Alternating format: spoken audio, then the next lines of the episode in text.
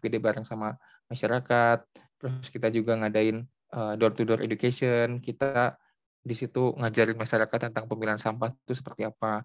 Nah, sebenarnya uh, kalau kita bicara climate change kan isu lingkungan itu atau uh, biodiversity itu yang paling utama gitu ya. Jadi kuliah atau kalau jurusan kuliah yang berbau dengan alam, biologi, laut, kehutanan itu memang bidangnya mereka gitu. Tapi ada peran kita di situ.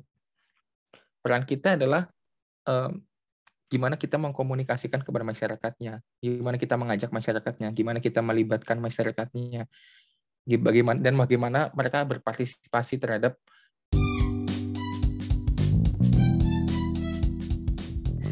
Hai Polingers, selamat datang di podcast Bicara Tata Lingkungan bareng aku Rahmat yang bakal jadi host di episode pertama ini.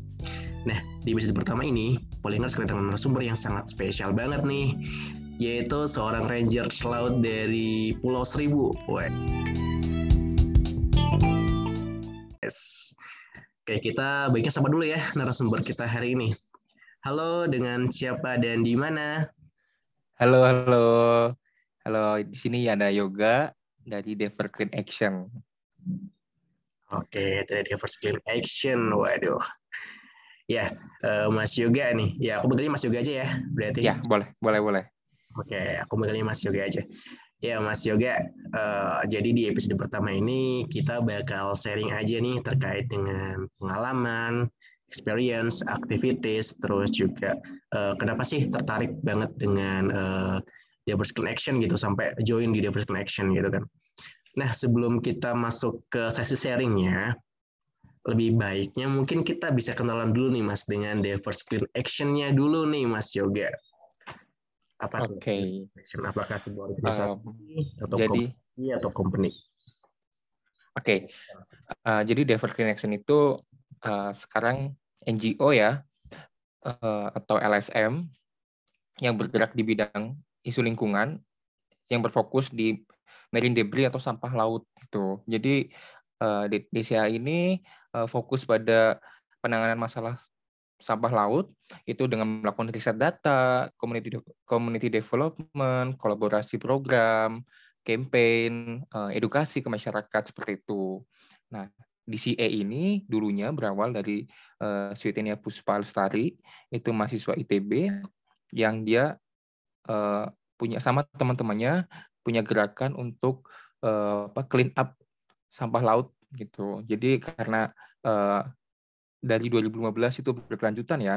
Di tahun 2017 mereka akhirnya mendirikan sebuah lembaga bernama Action.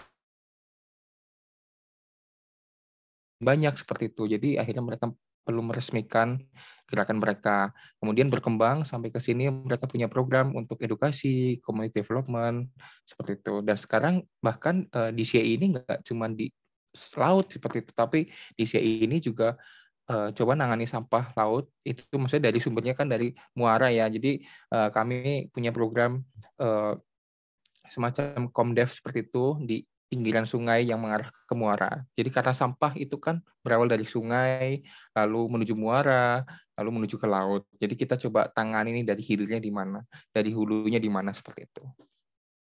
Ah, oke okay, oke. Okay. Mantap berarti berawal dari sebuah inisiatif mahasiswa ITB terus jadi sebuah NGO besar ya mas ya yes betul program wah keren banget oke mas uh, aku mau tahu dong alasan kenapa sih mas Yoga kok bisa tertarik dengan DCA dan uh, kok bisa gitu join dengan DCA gitu? Uh, dulu waktu aku mau wisuda ya temanku uh, nawarin kerjaan sebenarnya mau nggak untuk bantu-bantu gitu bantu-bantu dia. Sebelumnya waktu saya praktikum temanku kan udah masuk ke DCA dan dia butuh uh, tenaga buat butuh orang buat ikut uh, jadi enumerator seperti itu. Karena di situ aku nggak bisa tapi aku sama dia itu punya relasi yang bagus ya. Jadi uh, kita terus berlanjut. Dan aku emang kepo aja sih sama LSM LSM seperti ini atau NGO seperti ini atau gerakan-gerakan lingkungan gitu. Karena basicnya aku emang seneng sama hal-hal yang berbau dengan lingkungan. Lalu kebetulan pas aku lulus itu ada kesempatan untuk ikut di program Komdev di sana, alhamdulillah aku langsung masuk aja di sana uh, apa berbekal dengan pengalaman dan experience dan pengalaman dan uh, pengetahuan yang aku dapetin di kampus seperti itu. Oh, berarti uh, awal mula Mas juga ini dikenal sama teman dulu. Kita langsung join nih Mas ya? Enggak ya, ada awal. Enggak ada alurnya itu untuk masuk ke DCA atau hmm. ada step by step? Uh, karena waktu itu emang lagi kebut emang lagi rezeki sih sebenarnya lagi lagi pas ada momen ya. Karena di situ lagi butuh orang jadi kebetulan aku emang man, apa suka mantau kayak gini juga suka sharing juga sama dia gitu. Dia jadi butuh orang hmm. langsung dia ditawarin gitu. Gitu. Jadi uh, mungkin momennya pas banget. Aku habis lulus di sini lagi butuh uh, tenaga gitu butuh orang nih buat bantu-bantu di Komdev seperti itu keren sih. Jadi langsung lulus langsung dapet job wise mantap-mantap ya uh, terkait diversification tadi kan uh, eh, NGO yang bergerak di isu lingkungan terkait dengan marine debris gitu kan. Yeah. ah uh, Mas dulu kan ini kalau sepemahamanku kan memang seorang aktivis juga ya di Poltek Esos dulunya seorang aktif Komdev terus juga katanya tertarik dengan isu-isu lingkungan suka lihat-lihat ya mas ya di Instagram mungkin ya di sosial media gitu suka nimbrung lah terkait isu lingkungan.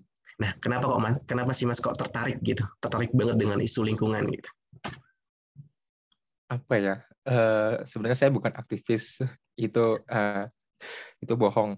Jadi saya emang senang aja main sebenarnya senang main karena komdev itu kan maksudku uh, di di bagian dari jurusan kita Peksos yang paling banyak aktivitas keluar gitu main sama orang ke, ke berbagai tempat itu komdev gitu menurut saya. Jadi apa namanya yang paling memungkinkan untuk jalan-jalan tuh komdev gitu kan. Karena kalau misalkan ambil setting yang lain atau misalkan ambil uh, ke arah yang lain hmm, saya rasa bukan passion saya gitu ya. Karena saya lebih suka tadi traveling main ke tempat-tempat ke daerah-daerah uh, apa tertentu seperti itu, baik di desa-desa atau di uh, gunung kayak gitu.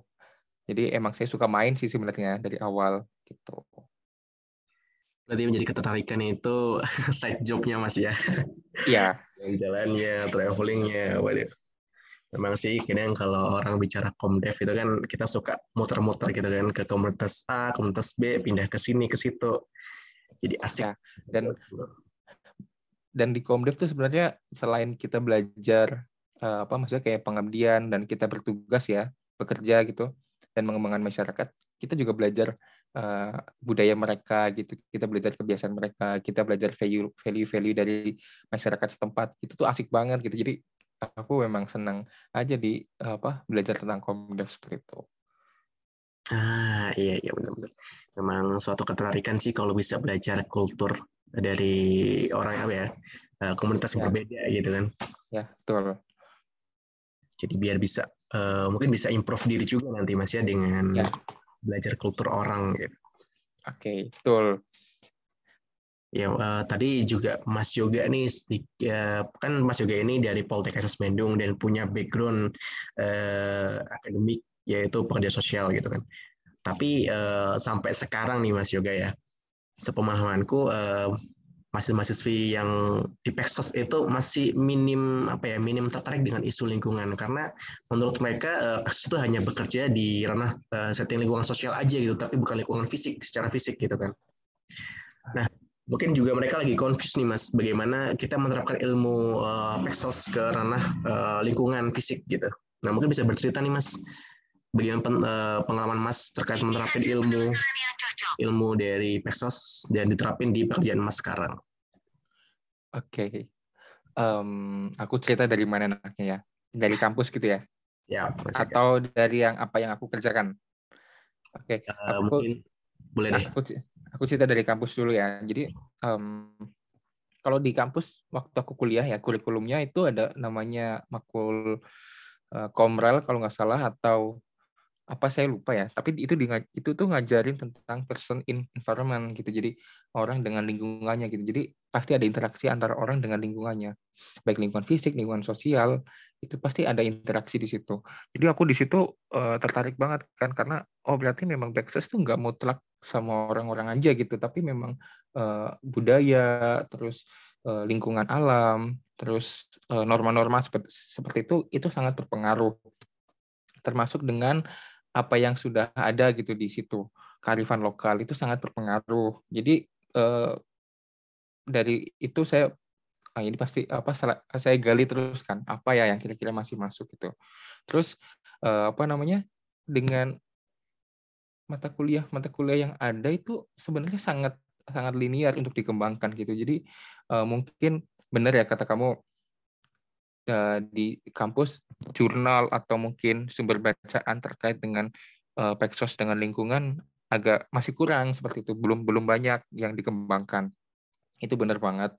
Uh, sejauh ini yang aku pahami dari kampus tuh mata kuliah Komdev gitu itu kita belajar tentang pengembangan masyarakat itu ternyata bisa diaplikasikan di berbagai bidang seperti itu Mat. Jadi nggak cuma bidang yang uh, ada kajian di kampus, tapi itu sangat mempengaruhi yang lain gitu. Kalau sekarang katanya ada konsep green social work gitu ya? Benar mas, itu konsep baru sih, baru dipublish lah sama Poltek Ya betul. Itu juga itu sebenarnya sangat uh, inline dengan isu yang sekarang kan lagi uh, diperjuangin terus ya climate change ya. Jadi emang uh, kita juga bisa berpartisipasi kok di perjuangan untuk memperjuangkan isu tersebut gitu. Um, terus ya, ini tuh sangat inline dengan yang aku kerjakan karena sekarang aku kan jadi uh, program facilitator di DCA ya dan aku dulu waktu di awal itu aku jadi fasilitatornya di program Save Our Ocean and Small Island itu di Kepulauan Seribu. Jadi kita emang jadi program ini emang berfokus untuk uh, penguatan sistem pengelolaan sampah di pulau-pulau kecil berpenduduk di Kepulauan Seribu gitu. Jadi fokusnya lebih ke sampah rumah tangga. Nah, kita di situ ada uh, banyak banyak banget program selama dua tahun itu. Nah, programnya itu ada edukasi tentang pemilihan sampah, ya di pulau-pulau berpenduduk, ada kita pengembangan sistem pengelolaan sampah, terus kita juga eh, apa namanya eh, nyusun semacam dokumen kolaborasi seperti itu. Nah, tadi di eh, edukasi pemilahan ya, aku tuh dapat banget pengalaman ketika praktek di kampus tuh dapat kepake banget gitu, karena itu kom komdev banget seperti itu kayak kita ngadain semacam FGD gitu ya, FGD bareng sama masyarakat. Terus kita juga ngadain uh, door to door education. Kita di situ ngajarin masyarakat tentang pemilihan sampah itu seperti apa. Nah, sebenarnya uh, kalau kita bicara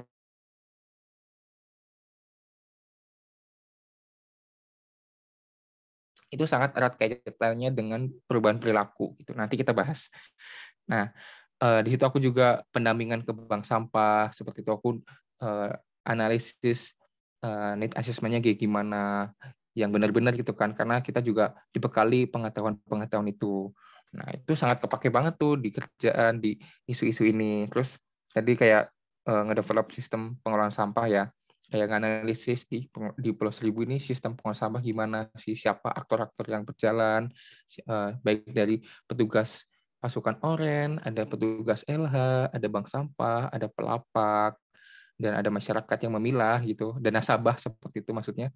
Itu gimana caranya biar mereka tuh saling eh, terintegrasi untuk memilah sampah dan mengurangi sampah dan mencegah sampah itu terbuang ke laut seperti itu. Jadi kita uh, di sini kayak menganalisis semua aktor-aktor ini gimana caranya biar jadi satu sistem yang terpadu seperti itu man.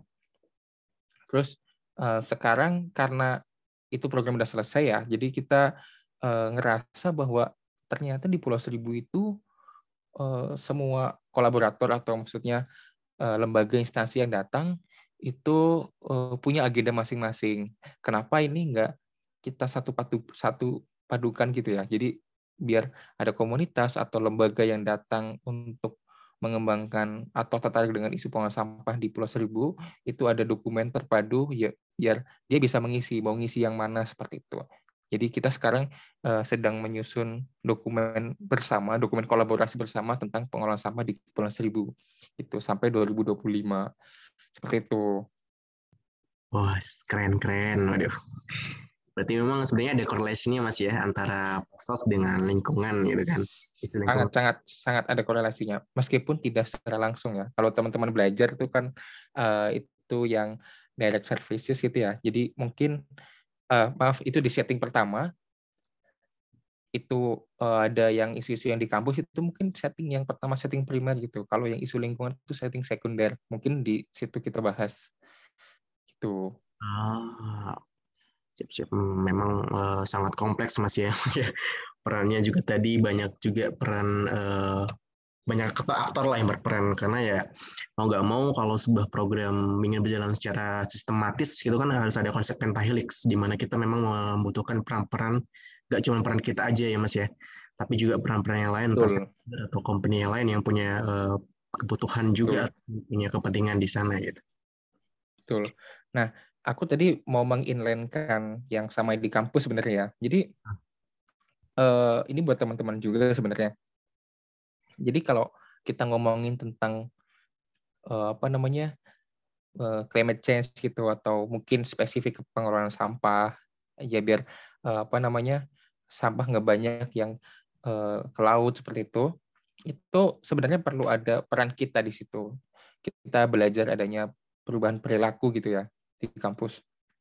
Ah, kolektif behavioral tuh. ya, jadi uh, gimana sih kita gimana kita uh, mengajak masyarakat untuk memperjuangkan itu dengan kita mengedukasi masyarakat dan kita mengubah perilaku masyarakat. Maksudnya bukan mengubah perilaku yang bukan semestinya, tapi ya memang ini kita menyadarkan masyarakat dengan uh, adanya isu-isu seperti ini gitu. Jadi memang banyak sekali apa ya celah-celah kalau mau digali ya celah-celah yang ini tuh kita bisa masuk seperti itu. Tapi memang secara dari luar itu bukan ranah kita karena ini kan kebanyakan ilmu lingkungan seperti itu. Betul betul mungkin ya kita bisa berperan tadi ya Mas ya kayak kata Mas juga kita bisa mengaplikasikan mungkin eh, apa ya kayak ilmu lead assessmentnya kita bisa berperan di situ. Terus kita juga mau bisa menjadi fasilitas FGD biar kita bisa tahu nih dari keinginan masyarakat itu apa sih terkait dengan uh, pengelolaan sampah tadi kan. Terus pengurangan sampah di laut. Wah, terkait dengan lingkungan yang ada gitu. Betul Mas, Mas Yoga tadi uh, sedikit spill nih terkait status Mas Yoga di DCA yaitu sebagai program fasilitator ya Mas ya. Ya, Nah, mungkin bisa diceritakan juga nih Mas terkait dengan daily activities-nya gitu di uh, eh, DCA sebagai program fasilitator. Uh, sekarang tadi ya yang aku udah jelasin di awal, jadi cerita banyak tadi di awal. Uh, hmm. Aku sekarang lagi ikut uh, program untuk ngedevelop semacam our island ya. Ya, pengelolaan sampah uh, semacam pengelolaan sampah yang terintegrasi di Pulau Seribu seperti itu. Jadi dokumen kolaborasi sebenarnya.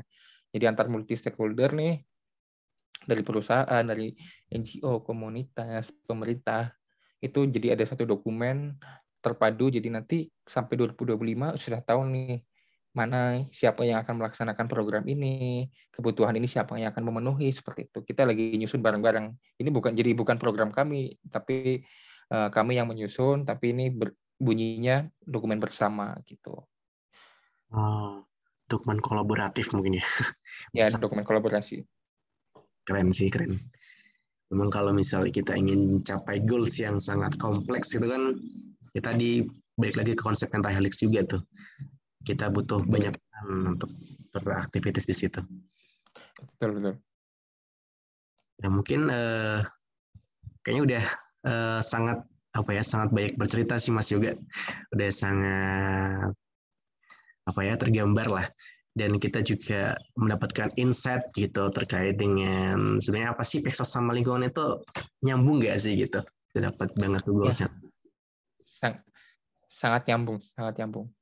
Hmm, memang belum memang mungkin belum belum dibahas secara banyak gitu di kampus. Hmm, memang kita masih minim apa ya literatur lah ya kali di iya. kampus juga masih sangat sedikit gitu. Kalau bicara terkait dengan lingkungan ya paling yang dibahas konsep PIE, terus hanya konsep green social work yang berpatas di wilayah Dominelli, ya hanya seperti itu aja lah sih. Belum banyak terkait literasi, iya. literasi yeah. bisa dibaca kita. Oke mas untuk uh, Ada yang mau disampaikan lagi sama, sama Mas Yoga? Um, menurut aku sih, jadi kalau teman-teman yang pengen uh, atau bekerja atau apa ya, pengen bergerak gitu ya, mungkin tepatnya bergerak di isu ini, di bidang ini, jadi nggak usah nggak usah bingung gitu, karena memang hmm. ini ada peran kita, tapi memang bukan peran kita sepenuhnya. Jadi kita nggak bisa jalan sendirian nih. Jadi kita perlu punya tim atau punya komunitas gitu ya, yang di situ ada uh, kita salah satu di, di antara orang-orang di berbagai jurusan itu atau interdisiplin apa interdisiplin ilmu. Ilmu. Ya, jadi uh, mungkin kan karena kalau kita ngomongin climate change kan isu lingkungan itu atau uh, biodiversity itu yang paling utama gitu ya. Jadi kuliah atau kalau jurusan kuliah yang uh, berbau dengan alam, biologi, laut, kehutanan itu memang bidangnya mereka gitu. Tapi ada peran kita di situ. Peran kita adalah uh, gimana kita mengkomunikasikan kepada masyarakatnya, gimana kita mengajak masyarakatnya, gimana kita melibatkan masyarakatnya, bagaimana dan bagaimana mereka berpartisipasi terhadap upaya-upaya itu. Nah, di situ program kita. Di situ maksudnya di situ peran kita di situ gitu kita punya space di situ dan kita bisa memaksimalkan space itu karena memang kalau di mereka mereka fokus pada eh, hal-hal yang berbentuk fisiknya seperti itu ya. Kalau kita fokus pada manusianya fokus pada sosialnya seperti itu. Jadi space kita ada di situ gitu. Jadi nggak usah khawatir buat teman-teman yang pengen uh, bergerak di bidang ini. Wis, mantap nih. Statement buat dari Mas Yoga. Masih jadi jangan ragu ya Mas ya. Buat kita yang memang tertarik dengan isu lingkungan masih banyak space di luar sana yang menanti kita sebagai pekerja sosial. Gitu ya Mas ya. Betul. Siap. Hmm. Oke mungkin ada yang mau disampaikan lagi Mas atau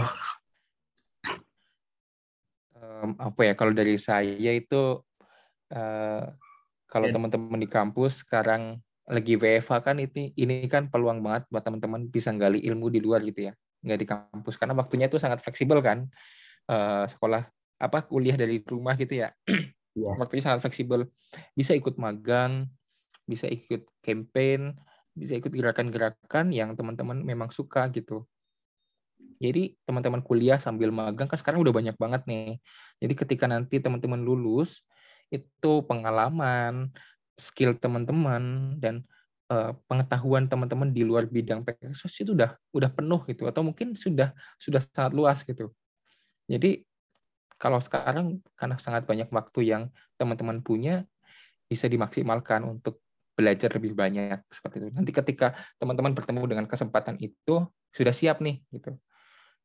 Seperti itu. Jadi nanti antara eh, kesiapan teman-teman dan kesempatan itu bertemu, itu teman-teman akan beruntung untuk uh, mendapatkan pekerjaan atau apa pun itu. Benar banget, benar banget.